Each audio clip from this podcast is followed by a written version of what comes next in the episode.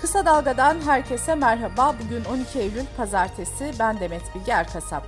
Gündemin öne çıkan gelişmelerinden derleyerek hazırladığımız Kısa Dalga Bülten başlıyor. Festival ve konser yasakları ile ilgili tartışmalar sürerken Din Görevlileri Birliği Derneği Şanlıurfa Şubesi, Zakkum Rock grubunun konserinin iptalini istemişti. Derneğin gerekçesi ise Zakkum'un cehennemde yetişen bir ağaç olmasıydı. Ancak belediye konseri iptal etmedi. Zakkum'un Şanlıurfa'da verdiği konseri 25 bin kişi izledi. Grubun Hatıran Yeter şarkısı sırasında da sahnede Atatürk'ün fotoğrafları gösterildi. Zakkum grubu şu açıklamayı yaptı. Bu kişiler en sağlam cevabı bizi izlemeye gelen 25 bin güzel insandan aldı. Asla akıllardan çıkmasın, aydınlık karanlıktan korkmaz.''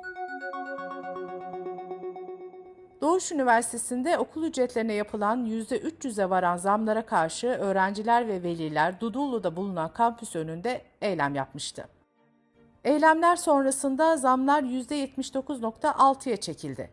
Ancak 14 öğrenciye soruşturma açıldı, 2 asistan işten çıkarılırken 2 öğrenciye de uzaklaştırma cezası verildi. Öğrencilerden Kıvılcım Çolak şunları söyledi.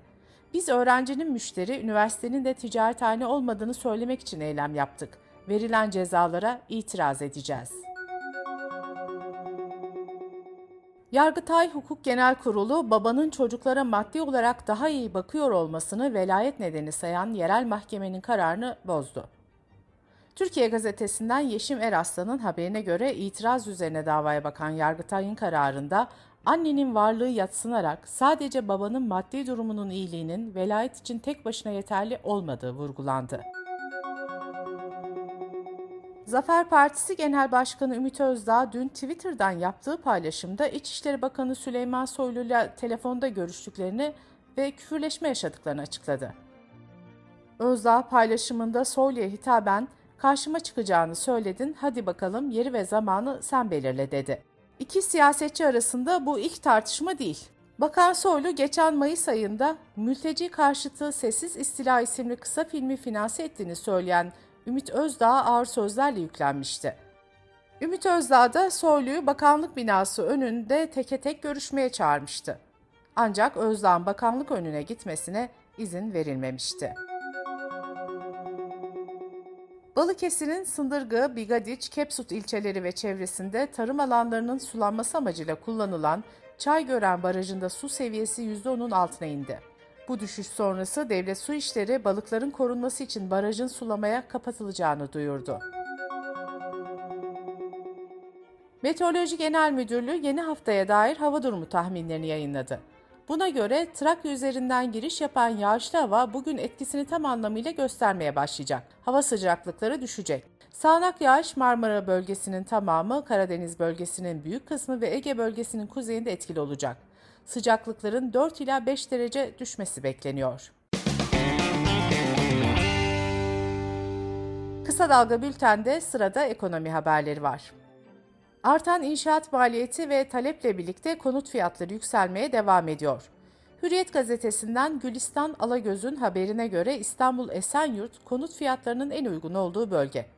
Esenyurt'ta standart bir binada metrekare fiyatı 12 bin liradan, sitelerde ise 30 bin liradan başlıyor. Beşiktaş, Şişli ve Kadıköy'de ise yeni konut projelerinde 1 metrekarenin fiyatı 200 bin lirayı aşıyor. Ankara'da sıfır konutta 3900 liradan başlayan metrekare fiyatı 50 bin lirayı bulurken İzmir'de ilçesine göre 6500 lira ile 85 bin lira arasında değişiyor. Hazine ve Maliye Bakanı Nurettin Nebati Twitter hesabından yaptığı açıklamada sermaye piyasalarımız her geçen gün güven tazeliyor, geleceğe güvenle bakıyor dedi. Nebati, borsamız haftayı dolar bazında 17 yılın en güçlü rallisiyle geride bıraktı ifadesini kullandı. Avrupa'da enerji krizi yaşandığını ve Türkiye'nin de bundan etkilendiğini dile getiren Enerji ve Tabi Kaynaklar Bakanı Fatih Dönmez, Türkiye'nin durumunun iyi olduğunu söyledi. Bakan Dönmez, doğalgaz tedarikçileri sevkiyat programlarına uyduğu takdirde bu kışı sıkıntı yaşamadan geçireceğiz diye konuştu.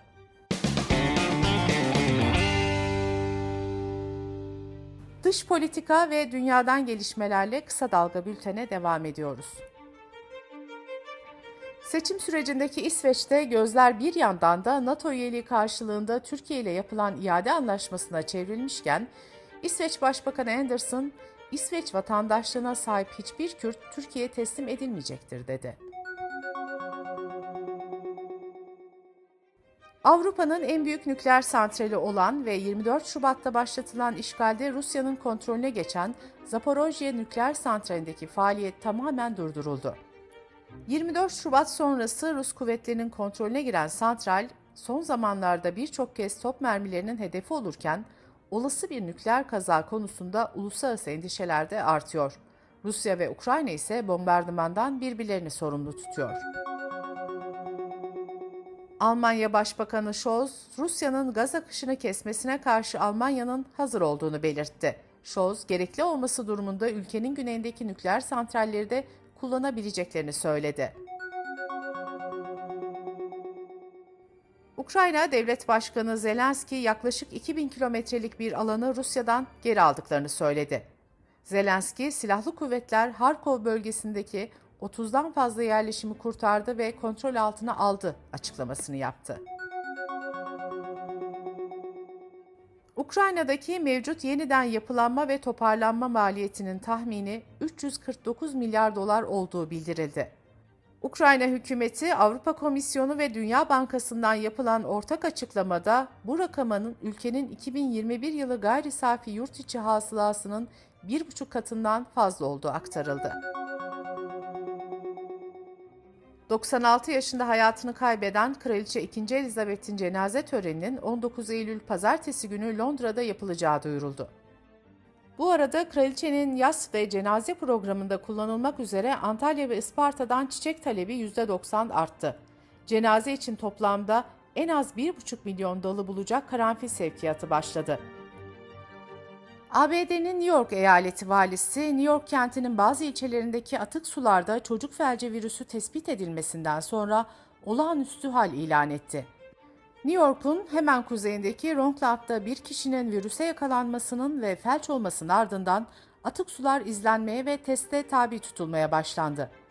Yetkililer Rockland'daki vakanın ABD genelinde son 10 yıldaki ilk vaka olduğunu vurguladı. Bültenimizi kısa dalgadan bir öneriyle bitiriyoruz. Usta gazeteci İbrahim Ekinci, marjinal faydada küresel ve ulusal ekonomiyi anlamak, kararlar alırken sağlıklı öngörüler oluşturabilmek için bir haftanın panoramasını çıkarıyor. Ekinci, hükümetin seçime doğru ekonomide neler yapacağını gösteren orta vadeli planı anlatıyor. Marjinal faydayı kısa dalga.net adresimizden ve podcast platformlarından dinleyebilirsiniz. Gözünüz kulağınız bizde olsun. Kısa Dalga Medya.